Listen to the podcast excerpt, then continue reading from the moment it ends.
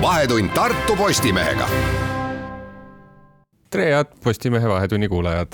minuga on täna stuudios äh, AS Hoolekandeteenused avalike suhete juht Katrin Pärgmäe, tere tulemast. tervist. sel äh, aastal pannakse viimaks kinni Võisiku hooldekodu, on ka põhjus, miks me siin täna stuudios räägime, aga kõigepealt uuriks, kuidas AS Hoolekandeteenustel, kuidas sellel valdkonnal üldse hetkel läheb? Äh, kui me nüüd täpsustame, siis meie tegeleme psüühilise erivajadusega inimestega, see tähendab seda, et äh, neil on ähm, vaimse tervise raskus ja nad on täisealised.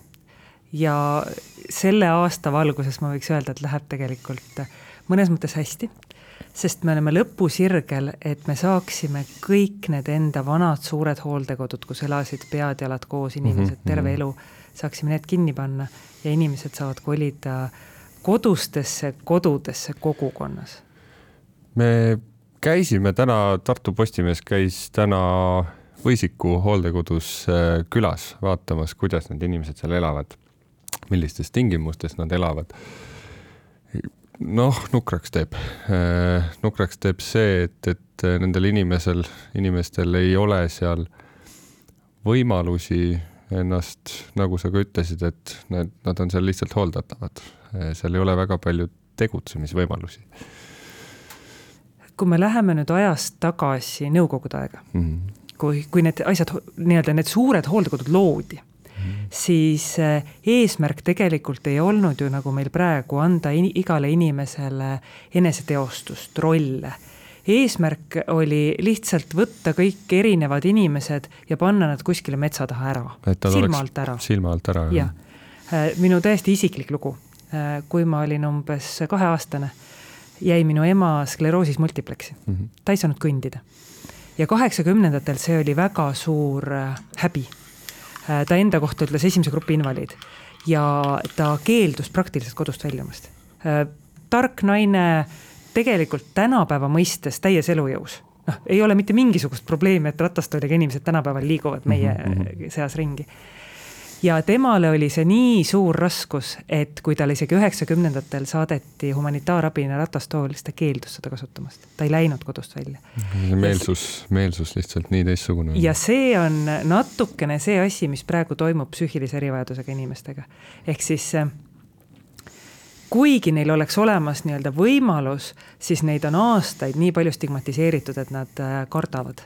ja see on nüüd see asi, mida, mis on meie järgmine eesmärk et nad tunneksid ennast kogukonnas väärtuslikena, et, et nad leiaksid üles enda tugevused. meil üks äh, klient kolis siis sellest suurest Võisiku hooldekodust, kolis väikesesse kortermajja Põltsamaal mm -hmm. lähedal ja hakkas seal süüa tegema, tundis sellest suurt rõõmu, kaasaelanikud ütlesid ka, et kuule, väga hästi teed süüa.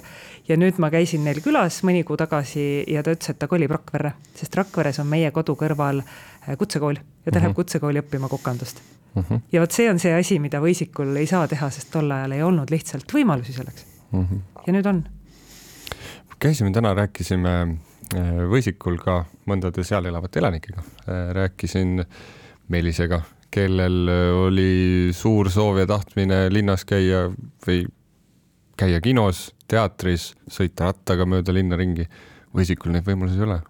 et see on niisugune noh, ütleme ausalt, niisugune nukker küla, niisugune pool maha jäetud, noh, mitte maha jäetud, aga ta on niisugune ääremaa ikkagi, et seal, seal ei ole poodigi ja no kui me nüüd räägime sellest sügavast nõukaajast, siis eesmärk oli panna inimesed niimoodi kinni, et neil ei oleks põhjustki välja, välja tulla mm -hmm.. iseenesest need alad ei olnud nagu lukuga suletud, aga seal oli pood, kingsepp, juuksur, see huviring, mida nad parasjagu pakkusid, see oli mm. -hmm. ehk siis loodi maailm maailma sees mm. -hmm selle noh, pluss oli see, et siis see invaliid ei sattunud äh, nii-öelda, nii-öelda normaalsete inimeste sekka, eks ole mm, -hmm. mis oli ka eesmärk. Äh, miinus loomulikult oli see, et kui sellel inimesel oli huvi näiteks minna kinno, siis äh, kui oli siis kord kuus seal kinoõhtu, siis ta sai täpselt vaadata seda filmi, mis seal kinoõhtul oli mm, -hmm. punkt. Mhm. et valikuvabadust ei eksisteerinud mm. -hmm. tahtsimegi nende kodudeni jõuda, mis siis viimase ma ei tea, täpsusta, kuna hakati korterelamuid ehitama äh, psüühiliste erivajadustega inimestele? korterelamuid äh, kogukondades äh, kaks tuhat kaheksateist. kaks tuhat kaheksateist, et alates sellest noh, on meediast läbi käinud äh, igasugused hirmud Need hirmud puudutavad siis eelkõige seda, et noh, ütleme otse nii-öelda jutumärkides, kuidas te lasete hullud meie elukeskkonda, et nad hakkavad nüüd seda ja kolmandat ja neljandat. et nüüd, kus need kodud valmis on, kuidas nende hirmudega on, on need reaalsuseks saanud?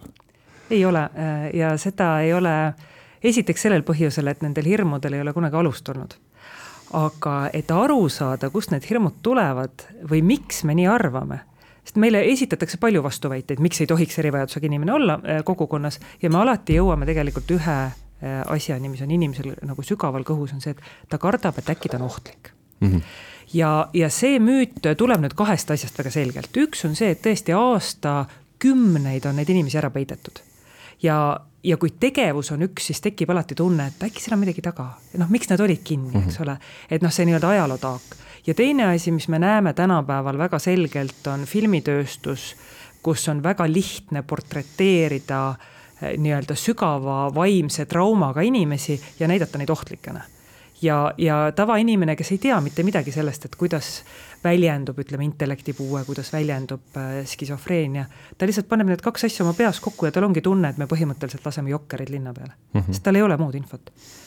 aga kui me reaalsusest räägime, siis meil oli niisugune tore lugu, et äh, me läksime Pärnusse ühe delegatsiooniga mm. näitama seda nii-öelda maja, mis sinna oli valmis saanud ja meile tuli kõrvalmajast korteriühistu äh, siis juhatuse liige tuli meile, ütles, teate, me tahtsime teiega rääkida.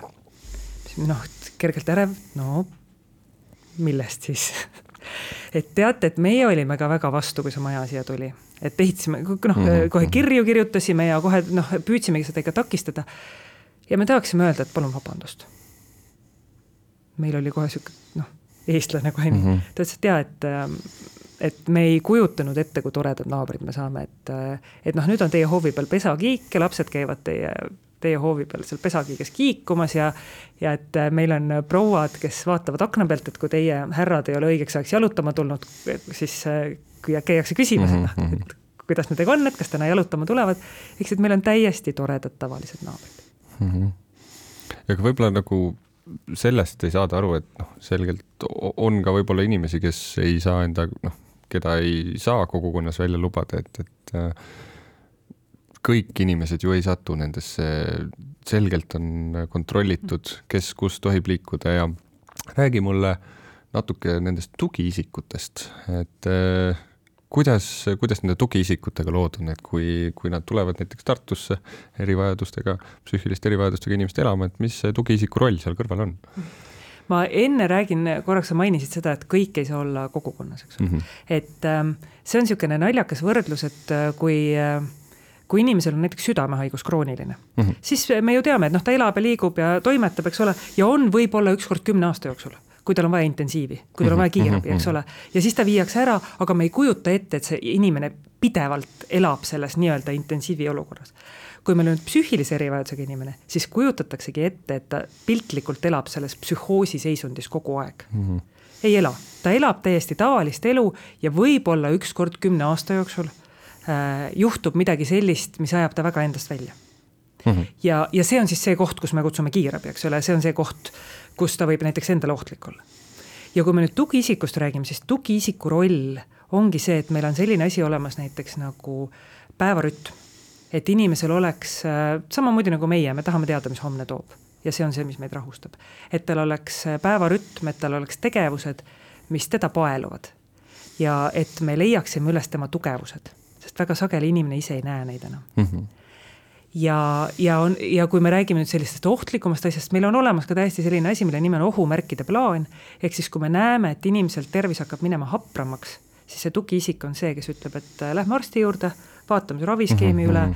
ehk siis äh, see on selline tugivõrgustik, mis hoiab meid äh, äh, nii-öelda kõige paremas vormis, mis meil praegu olla saab ja kõikil, kõikidel elanikel on oma tugiisik olemas, kelle poole pöörduda vajadusel ööpäevaringselt, nagu ma aru saan või? jaa, kortermaja on meil ööpäevaringne, seal meil on olemas äh, igal inimesel tugiisikud. Need tugiisikud käivad küll vahetustega tööl mm, -hmm. noh täna, eks ole, oled sina tööl, kui nüüd minu tugiisikut ütleme homme tööl ei ole, siis ma saan talle kas helistada või rääkida tänase tegevusjuhendajaga mm. -hmm. et aga meil on ka, paljud inimesed ei vaja üldse ööpäevaringset tuge, on ka inimesed, kes elavad äh, tavalistes äh, korterites, näiteks ma ei tea, Tartus Annelinnas, Tallinnas Õismäel ja, ja need inimesed äh, samamoodi, neil on oma tugiisik ja nad saavad talle alati helistada mm,. räägime natuke nendest korteritest endast ka. millised, noh, siia Kase tänavale hakatakse nüüd ehitama vist nurgakivi, nurgakivi, ma ei tea, kas maha sai. aga ühesõnaga ehitustegevuseks juba läks, millised need korterid tulevikus välja hakkavad nägema, mis nende iseloom on, kirjelda neid palun need, see korter, igaüks, iga kuulaja võib mõelda enda korteri peale ja selline see ongi. ehk siis need on korterid, kus ei ole mitte ühtegi sellist ruumi mis viitaks sellele, et tegemist on mingisuguse asutusega. seal on köök-elutuba äh,, avatud köök-elutuba ja igal inimesel on enda magamistuba ja siis on seal hügieeniruumid ja selliseid kortereid on ühes kortermajas neli mm -hmm.. ehk siis iga pere, ühes perekonnas on siis nii-öelda kuus äh, täiskasvanud inimest Nad, äh, kuna nad nüüd meile tulevad äh, nii-öelda vanadest suurtest erihooldekodudest mm, -hmm. siis me oleme püüdnud leida korterisse inimesed, esiteks, kellel on selle kohaga seos, ehk siis Tartusse tulevad tagasi Tartu inimesed mm. -hmm. ja teiseks need inimesed, kes omavahel on juba kas harjunud koos olema, on sõbrad või tahavad olla nii-öelda sama mm, -hmm. nii-öelda samas peres korteris. Ja see elu käib täpselt samamoodi nagu noh, meil käib, eks ole, hommikul ärkame, teeme hügieenitoiminguid, teeme hommikusööki, siis äh, läheme tööle või kooli mm -hmm., noh ja nii edasi. lihtsalt vahe ongi nüüd selles, et äh, on inimesi, kellel on näiteks vaja hommikul meelde tuletada, et sul on vaja rohtu võtta, on inimesi, kellel on vaja öelda, et vaata, et kui me nüüd seda süüa siin teeme, et siis vot see, ma ei tea, mikrolaineahi või ahi käib niimoodi, riivid mm -hmm. niimoodi. Probleem on ju selles, et vanades erihooldekodudes need inimesed said süüa kolm korda päevas sööklas seda, mida neile anti mm. -hmm. punkt. et kui ma küsisin ühe meie elanike käest, et äh, me uurime nende rahulolu ja siis küsiti, et äh, mis sulle kõige rohkem meeldib enda uue korteri mm -hmm. juures. ja siis oli pikk vaikus. ja siis ta ütles, et tead, ma saan muna keeta täpselt siis, kui ma tahan. no nendes vanades nii-öelda suurtes hooldekodudes ongi niisugune, köögipool on täiesti, ei olegi võimalik süüa teha kuskil ei ole, sellepärast et äh, hooldekodu on selline, kus sul on söökla ja sa käid seal etteantud päev, sa käid seal söömas mm -hmm. kolm korda päevas täpselt seda, mis menüü ette annab, et meie mm -hmm. tavainimesena lihtsalt ei kujuta ette, kui minul tuleks nüüd mõni krooniline haigus, eks ole et mis oleks see põhjus, miks mina peaksin näiteks loobuma muna keetmisest mm, -hmm. et, et mind viia kohta, kus mulle öeldakse ette, mida ma peaksin sööma mm. -hmm. räägime natukene ka nende inimeste tööturust. Äh, on äh, viimastel aastatel tegelikult positiivseid märke olnud, et äh, psüühilise erivajadusega inimesed ei ole nüüd täielikult tööturult ju kõrvale heidetud, et, et noh, vahepeal küll oli niisugune mulje, et teatud haigustega ei olegi võimalik tööle saada, et sa oled nüüd elu lõpuni nii-öelda jutumärkides hooldatav ja nii ongi. aga tegelikult, olles ise nende inimestega rääkinud, paljudel on ju oskused olemas, kes ehitab, kes kokkab, kes on koristamises hästi usin. et kuidas praegu selle tööturuga olukord on? Meie elanikud on järjest rohkem läinud tööle ja seda tegelikult põhjusel, et me usume, et taastumine mitte siis see nii-öelda meditsiiniline taastumine mm, -hmm. vaid sotsiaalne taastumine, mis tähendab seda, et ma saan oma eluga parimal võimalikul viisil hakkama. see toimub kogukonnas, see toimub tegevustes. et äh, kui mul on ainuke roll olla hooldatav, siis mul on väga-väga raske tagasi langeda oma nii-öelda haiguse masendusse. aga kui ma olen kolleeg, äh, mul on sõbrad, ma käin huviringis, ma saan näiteks Tartus, ma nägin meie kliente pidevalt autovabaduse puiesteel suvel mm, -hmm. et, äh, et siis minu elu on niivõrd värvikas et jah, see haigus on üks osa minust, aga see ei defineeri mind. ja, ja selleks just nimelt, et inimestel oleks elus erinevad rollid, me hästi toetame igasuguseid töötegevusi äh, osad inimesed on meil äh, täitsa avatud tööturul hästi hinnatud äh, näiteks kortermajade juures haljastustööd teevad mm, -hmm. koristavad mhm. trepikodasid ja mida meile öeldakse, on see, et see on hämmastav, kuidas teie inimesed teevad alati hoolsalt. et see õppimine vahel võtab natuke kauem aega aga see ei ole see, et tõmmatakse siuh-säuh üle, vaid ta tõesti iga kord teeb südamega ja tõesti hästi puhtaks. ja teine pool on nüüd inimesed, kellel on vaja sellel töötamisel tuge mm, -hmm. kes ei saa meiega, ütleme, võrdsetel alustel konkureerida. Äh, neile on meil selline sihtasutus loodud nagu Hea Hoog ja Hea Hoog pakub just nimelt, selle nimi on toetatud äh, nii-öelda töötamine mm. -hmm. et see inimene saab teha, võib-olla ta tahab teha kaks tundi päevas, võib-olla kolm tundi päevas ja seal saab teha käsitööd ja samamoodi pakume ettevõtetele teenuseid et igal juhul on oluline, isegi kui sa ei saa töötada täiskohaga, siis mm -hmm. teha midagi ja need inimesed ise on nii uhked ja nad on nii rõõmsad selle üle, et nad saavad teha asju, mille peale meil on lemmikloomatooded väga popid ja me saame tagasisidet siis nende piltidega, kus on siis see väike koer, kes on tohutult rõõmus oma mm -hmm. pesas ja see on, nad näevad, et nad on kogukonnale vajalikud mm. -hmm. ja see on see tunne nagu, mis toob neile sära silmades mm. -hmm, mm -hmm. kuidas nagu tööandjad ise reageerinud on, kas tööandjad öö, otsivad, otsivad endale nii-öelda eraldi programmidega töötajaid võib-olla, kellel on psüühiline erivajadus? on teadlikumaid, teadlikumaid tööandjaid, kes otsivad. Tavaliselt need on suuremad tööandjad, kellel on selleks nii-öelda noh, võimalust. et äh, aga noh, selge on see, et äh, me praegu oleme nagu sinna suunas liikumas mm, -hmm. et äh, ei ole iga tööandja veel, võib-olla tal ei ole võimalust sellega tegeleda, aga mina näen, et see tendents, noh, kui me alustasime, siis ütleme kaks tuhat kümme, siis meil oli ju kümme inimest, noh, meil oli samamoodi tuhat, üle tuhande kaheksasaja kliendi mm, -hmm. tol hetkel isegi kaks tuhat ja nendest töötas kümme inimest. ja nüüd meil on tuhat kaheksasada inimest, kellest töötab kuussada inimest kolmandik. kolmandik, eks ole, ehk mm -hmm. siis see mhm. näitab ikkagi seda, selle hulgas on küll tõesti ka see toetatud töö mm, -hmm. aga see näitab tegelikult seda, et tööandjad järjest rohkem leiavad äh, tee erinevate inimesteni mm. -hmm. praegu me oleme punktis ähm kus äh, nii-öelda meelsus on muutumas äh, või inimeste arusaamad on muutumas. mis võiks olla see järgmine suur samm äh, psüühilise erivajadustega inimeste puhul siis selles mõttes nii ühiskonnana kui riigina, kuhu me jõuda tahame? mina tahaks jõuda esiteks arusaamisele, et iga inimene on inimene ja me omavahel teeme vahel nalja, et iga inimene on erivajadusega inimene. ehk siis meil kõigil on oma mingid äh, vajadused, mingid eripärad, jah, mõnel inimesel on rohkem tuge vaja, aga tegelikult on kõikidel inimestel vaja äh, tuge nii kogukonnalt kui perekonnalt äh,. ja nüüd see järgmine samm võiks tegelikult olla see, et meil on kogukonnas olemas, me kutsume neid tere tulemast kohad. Need on sellised kohad, kuhu kõik saavad minna ja osaleda võrdsetel alustel ükskõik, oled sa ajakirjanik, oled sa noor ema, oled sa eakas, oled sa erivajadusega, ükskõik millise erivajadusega. ehk igaüks tunneks ennast seal äh, teretulnud. ja tal ei oleks probleemi, et mul on, ma ei tea, liiga vähe raha või, või ma tunnen ennast siin ebamugavalt et äh, näiteks hea näide on seesama Tartu autovabaduse puiestee mm, -hmm. kus olid tasuta üritused, kõik võisid seal käia, kellelgi ei olnud sellist tunnet, et äh, oi, ma nüüd ei tohiks minna mm. -hmm ja sellised kohad tegelikult võiks olla kogukonnas aastaringi, kus kõigil oleks selline kuuluvustunne ja see ei ole ainult erivajadusega inimeste heaks, see on just mhm. nimelt tegelikult iga inimese heaks. sest me näeme, et heaoluühiskondades see sidusus tegelikult laguneb mm. -hmm. et inimestel on neid kohti vaja.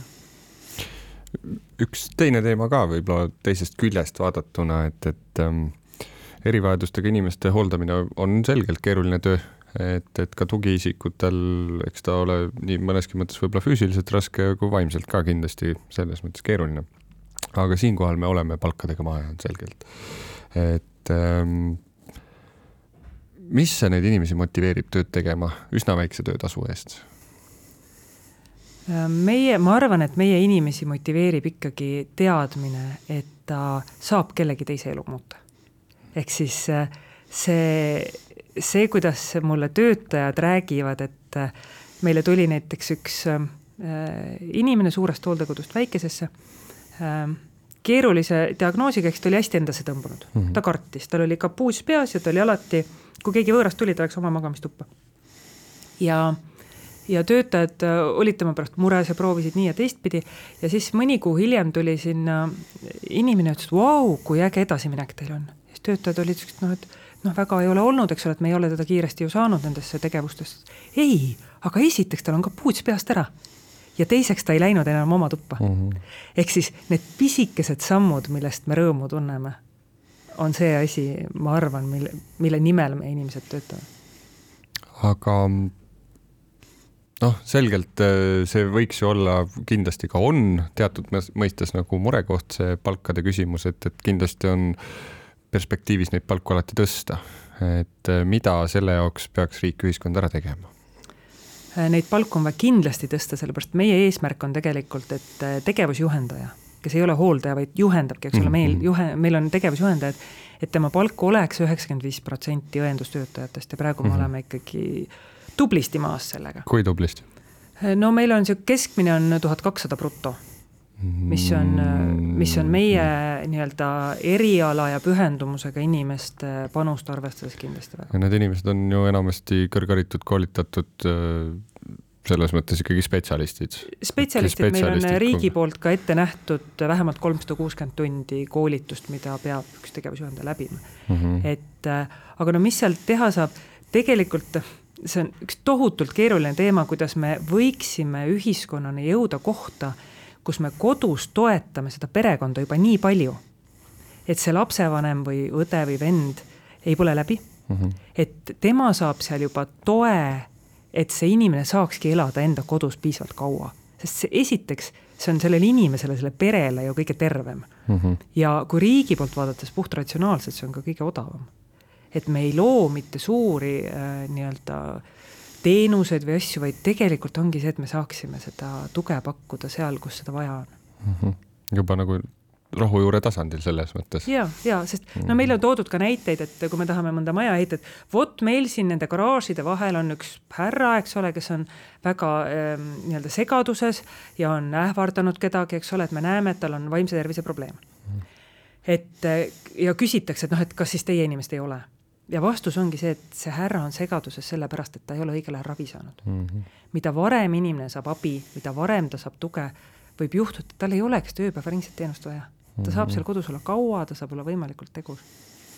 ja nagu me oleme sinuga ka juba varasemalt rääkinud, et tegelikult äh, nendel hooldatavatel võib olla väga palju peidetud andeid, mis on lihtsalt selle teenuse kui sellise vajakajäämiste tõttu nii-öelda inimesed, nad ei oskagi küsida. Nad ei Jaa. oskagi küsida, mida teha või kuidas teha. no see on nüüd, me näeme hästi suurt vahet nende inimeste vahel, kes tulevad sellest vanast suurest erihooldekodust.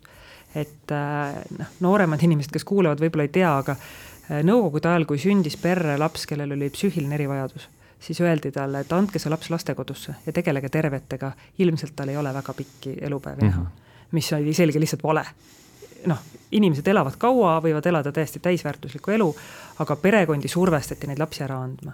ja, ja niimoodi elades seal institutsioonis kadus inimesele ära üldse oskus näha, et mis on minu tugevus mida ma tahan või, või mida ma võiksin mm -hmm. teha, sest talle alati öeldi ette, mida ta peab tegema.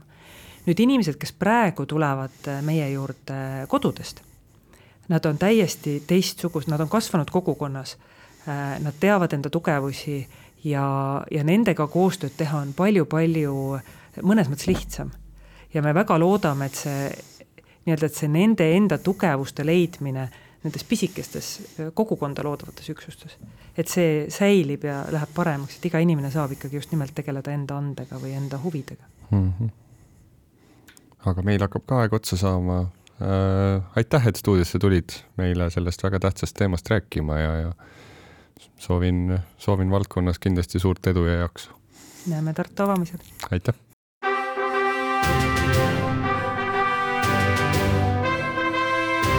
vahetund Tartu Postimehega